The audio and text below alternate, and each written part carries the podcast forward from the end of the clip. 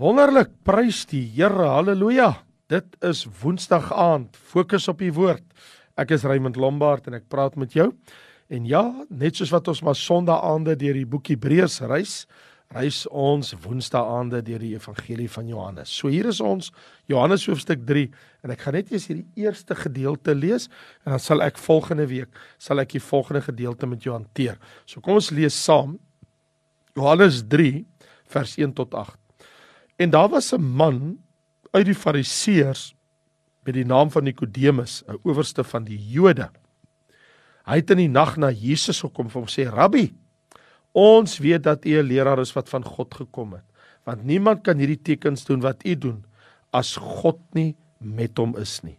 Jesus antwoord en sê vir hom: "Voorwaar, voorwaar ek sê vir jou, as iemand nie weer gebore word nie, kan hy die koninkryk van God nie sien nie."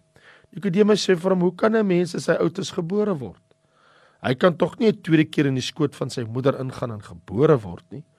Jesus antwoord: "Voorwaar, voorwaar ek sê vir jou, as iemand nie gebore word uit water en gees nie, kan hy in die koninkryk van God nie ingaan nie. Wat uit die vlees gebore is, is vlees, en wat uit die gees gebore is, is gees. Moenie jou verwonder dat ek vir jou gesê het jy moet weer gebore word nie. Die wind waai waar hy wil." En jy hoor sy geluid, maar jy weet nie van waar hy kom en waarheen hy gaan nie. So is elkeen wat uit die Gees gebore is. So wat beteken dit? Mag jy dalk nou wonder om weer gebore te word. Wat is wedergeboorte? Die fokus waarop ek nou die kollig wil laat val is wat beteken dit om weer gebore te word?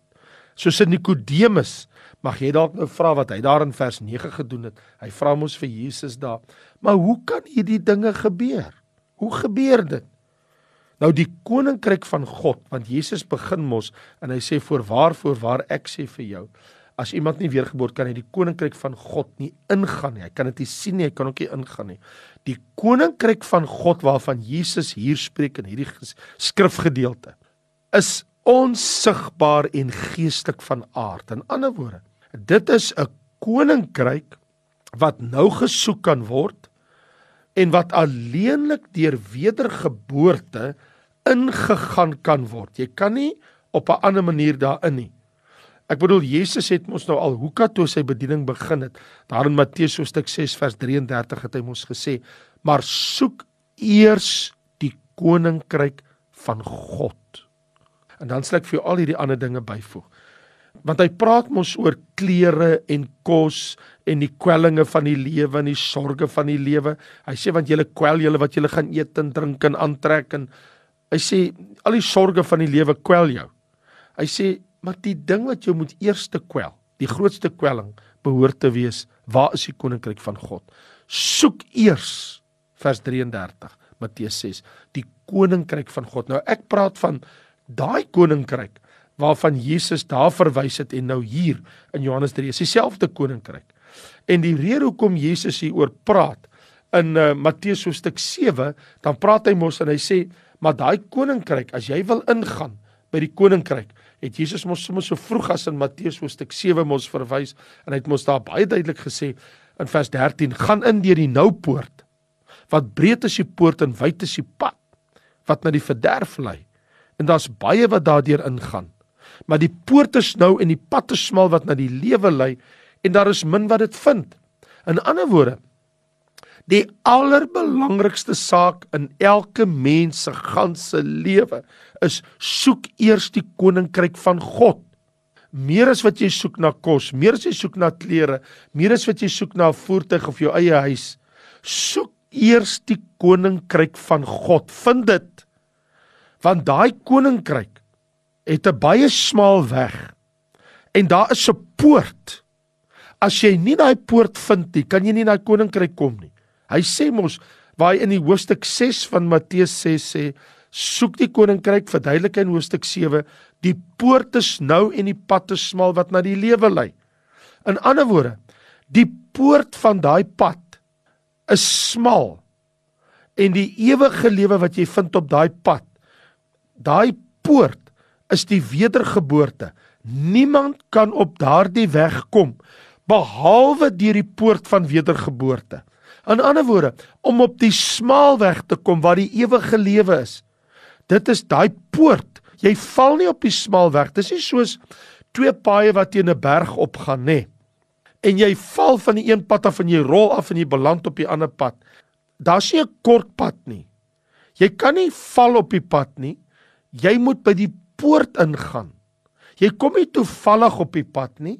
Jy word een oggend wakker en jy het hierdie lekker gevoel oor jou en nou dink jy jy's in die koninkryk nie. Daai pad wat na die lewe lei, die smal weg, het 'n poort. Daai koninkryksweg wat lei na die ewige koninkryk toe, het 'n poort. Daai poort is deur die wedergeboorte. So kom ons fokus hier in Johannes 3 op hierdie man met wie Jesus praat. Eerstens sê die Bybel die man Nikodemus. Hy was 'n Fariseer, die owerste van die Jode. So hier word gesê 'n man uit die Fariseërs met die naam van Nikodemus, 'n owerste van die Jode. OK. So hier word dadelik vir ons drie dinge oor hom gesê. Nommer 1: Hy was 'n Fariseer. Nou, een van die hoofkaraktertrekke, eienskappe van die Fariseërs Hulle was ernstig oor hulle godsdiens, oor hulle geloof. Hulle sou byvoorbeeld op 'n Sabbatdag, hulle sou nie met hulle kos saamdra as dit 'n gewig het van meer as die van 'n droë vy nie of meer iets het om te drink as net een groot sluk melk of water nie. En soms was hulle optredes baie belaglik. Byvoorbeeld 'n man, volgens hulle, dit staan nou nie in die Bybel nie, maar volgens hulle, 'n man mag nie 'n knoop in 'n tou maak op die Sabbatdag nie. Maar 'n vrou mag 'n knoop in haar serp aan haar skaaf. Sy mag 'n knoop maak, maar 'n man mag nie 'n knoop in 'n tou maak nie. So weet jy wat hulle gedoen as hulle dors het? Dan het hy sy vrou gevat. Hulle het geloop tot by 'n put. Dan vat hy 'n emmertjie, 'n houer. Dan vat hy die serp van sy vrou om haar nek. Dan maak hy 'n knoop aan die handvatsel. Dan laat sak hy die emmertjie af tot onder in die put en so trek hy sy water op. Dit is so ernstig was hulle, jy moet niks werk doen op 'n Sabbatdag nie.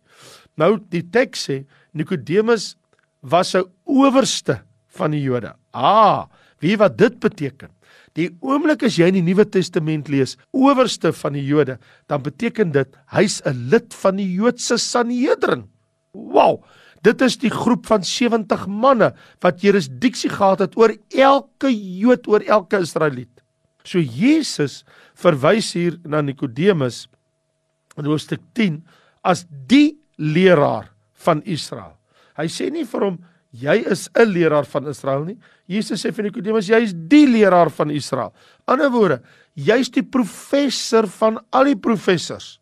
Jy is die leermeester van al die rabbies. Jy is die nommer 1 leermeester in die ganse Israel in Jerusalem Nikodemus. Jesus gee hom daai titel. Jesus sê vir hom en ek bedoel Nikodemus het gekom om hierdie jong rabbi te ontmoet in die nag. Want daar staan in vers 2, hy het in die nag na Jesus gekom. Hy het deur die uh, deur die donkerte van die nag gestap om by Jesus te kom. En hy is die leermeester van alle leermeesters. Sy opvoeding, sy posisie, sy opregte eerlikheid, sy eerlike soeke, sy reaksie tot Christus, alles spreek tot 'n positiwiteit by hierdie man Hy kom nie om Jesus te bevraagteken nie. Hy kom 'n gesprek met Jesus voer. Ons lees byvoorbeeld in Johannes hoofstuk 7 dat toe die leiers hom wil kritiseer vir Jesus, toe sê Nikodemus, daar staan in vers 50 van Johannes 7, Nikodemus wat in die nag na Jesus gekom het, was een van hulle en hy sê vir hulle maar oordeel ons die wet oordeel die wet die mens sonder om eers te hoor wat hy sê. Hy sê vir hulle maar julle kan nie Jesus net kritiseer nie. Julle moet eers hoor wat die wet sê. En ek dink dat Jesus moet hierdie gesprek van Jesus moes 'n onuitwisbare indruk op Nikodemus gemaak het. Want raai nogal toe Jesus aan die kruis hang, wie is daar by die graf?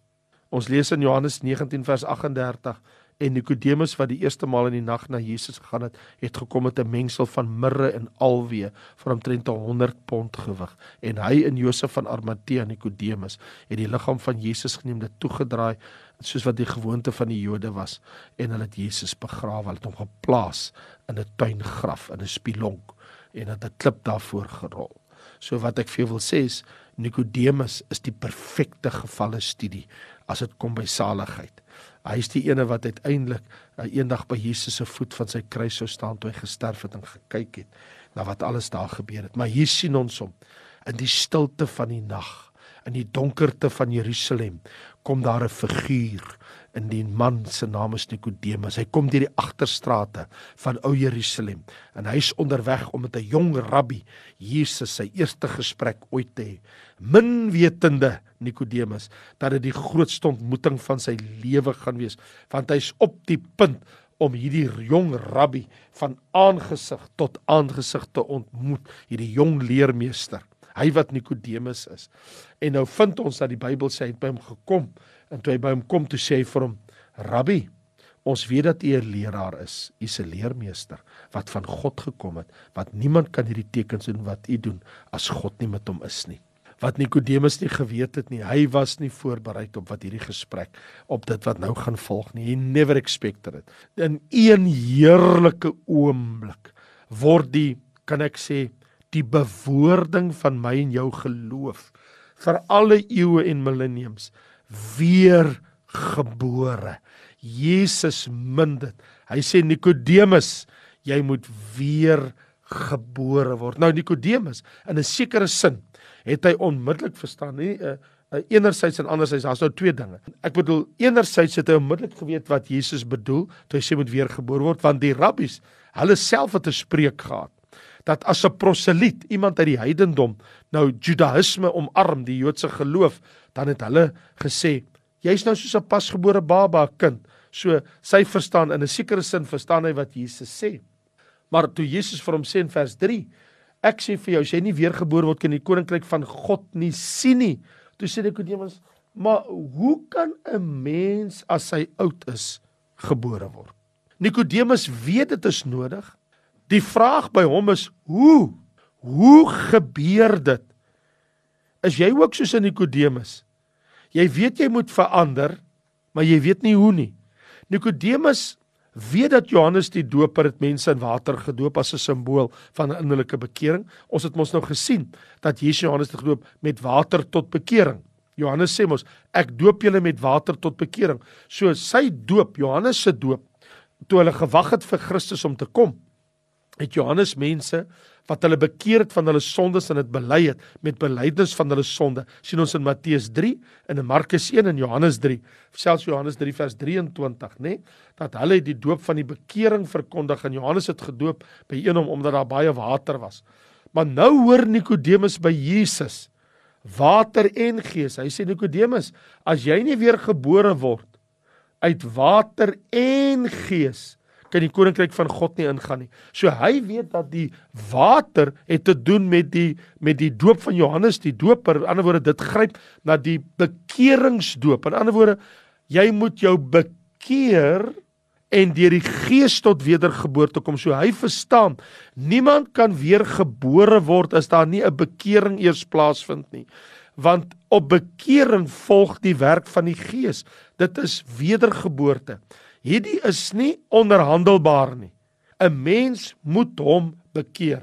Dis tog baie duidelik uit Handelinge hoofstuk 3 vers 19 as jy wil gered word. Kom dan tot inkeer en bekeer julle sodat julle sondes kan uitgewis word.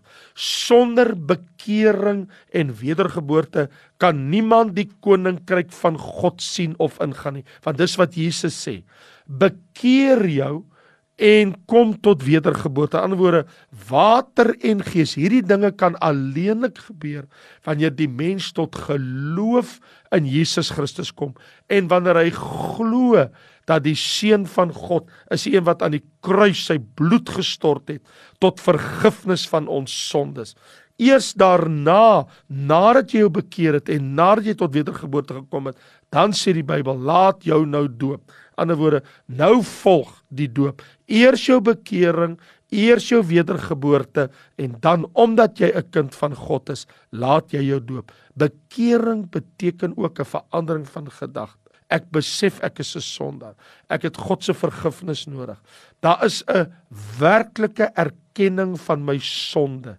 En daar is by my 'n hartgrondige berou wat ek God se vergifnis soek en vra. Dis wat ons hier sien in vers 6. Wat uit die vlees gebore is, is vlees en wat uit die gees gebore is, is gees. Nikodemus, luister, wat sê die Here Jesus? Wedergeboorte is 'n geestelike geboorte. Om dus weergebore te word, beteken ek is deur die Gees gebore, nie uit vlees nie. Vlees bly vlees, gees bly gees. Die wat 'n geestelike geboorte deelagtig geword het, hulle het die ewige lewe ontvang. Hulle is uit die Gees gebore. Vlees is vlees en vlees sterwe. Gees is gees en gees kan nie sterwe nie. Ek vra nie of jy 'n godsdienstige ervaring gehad het nie. Ek vra, het ek en jy 'n geestelike transformasie gehad? Het daar 'n verandering gekom? En Jesus sê in vers 7 vir Nikodemus, moenie jou verwonder dat ek vir jou gesê het jy moet weer gebore word nie. Wanneer Jesus sê julle moet weergebore word, julle moet om in die koninkryk te kom, om in te gaan by die poort, om op die smaalweg te kom. As Jesus sê jy moet, dan beter ek en jy ons ore oopmaak en luister. Dis beter dat ons luister. Ons moet weer gebore word. Vers 8. Die wind waai waar hy wil en jy hoor sy geluid, maar jy weet nie van waar hy kom en waarheen hy gaan nie. So is elkeen wat uit die gees gebore is, die wind. Dis wat Jesus vir Nikodemus sê. Hy sê Nikodemus, hoor jy daar buitekant hoe ruk die wind? Hoor bietjie.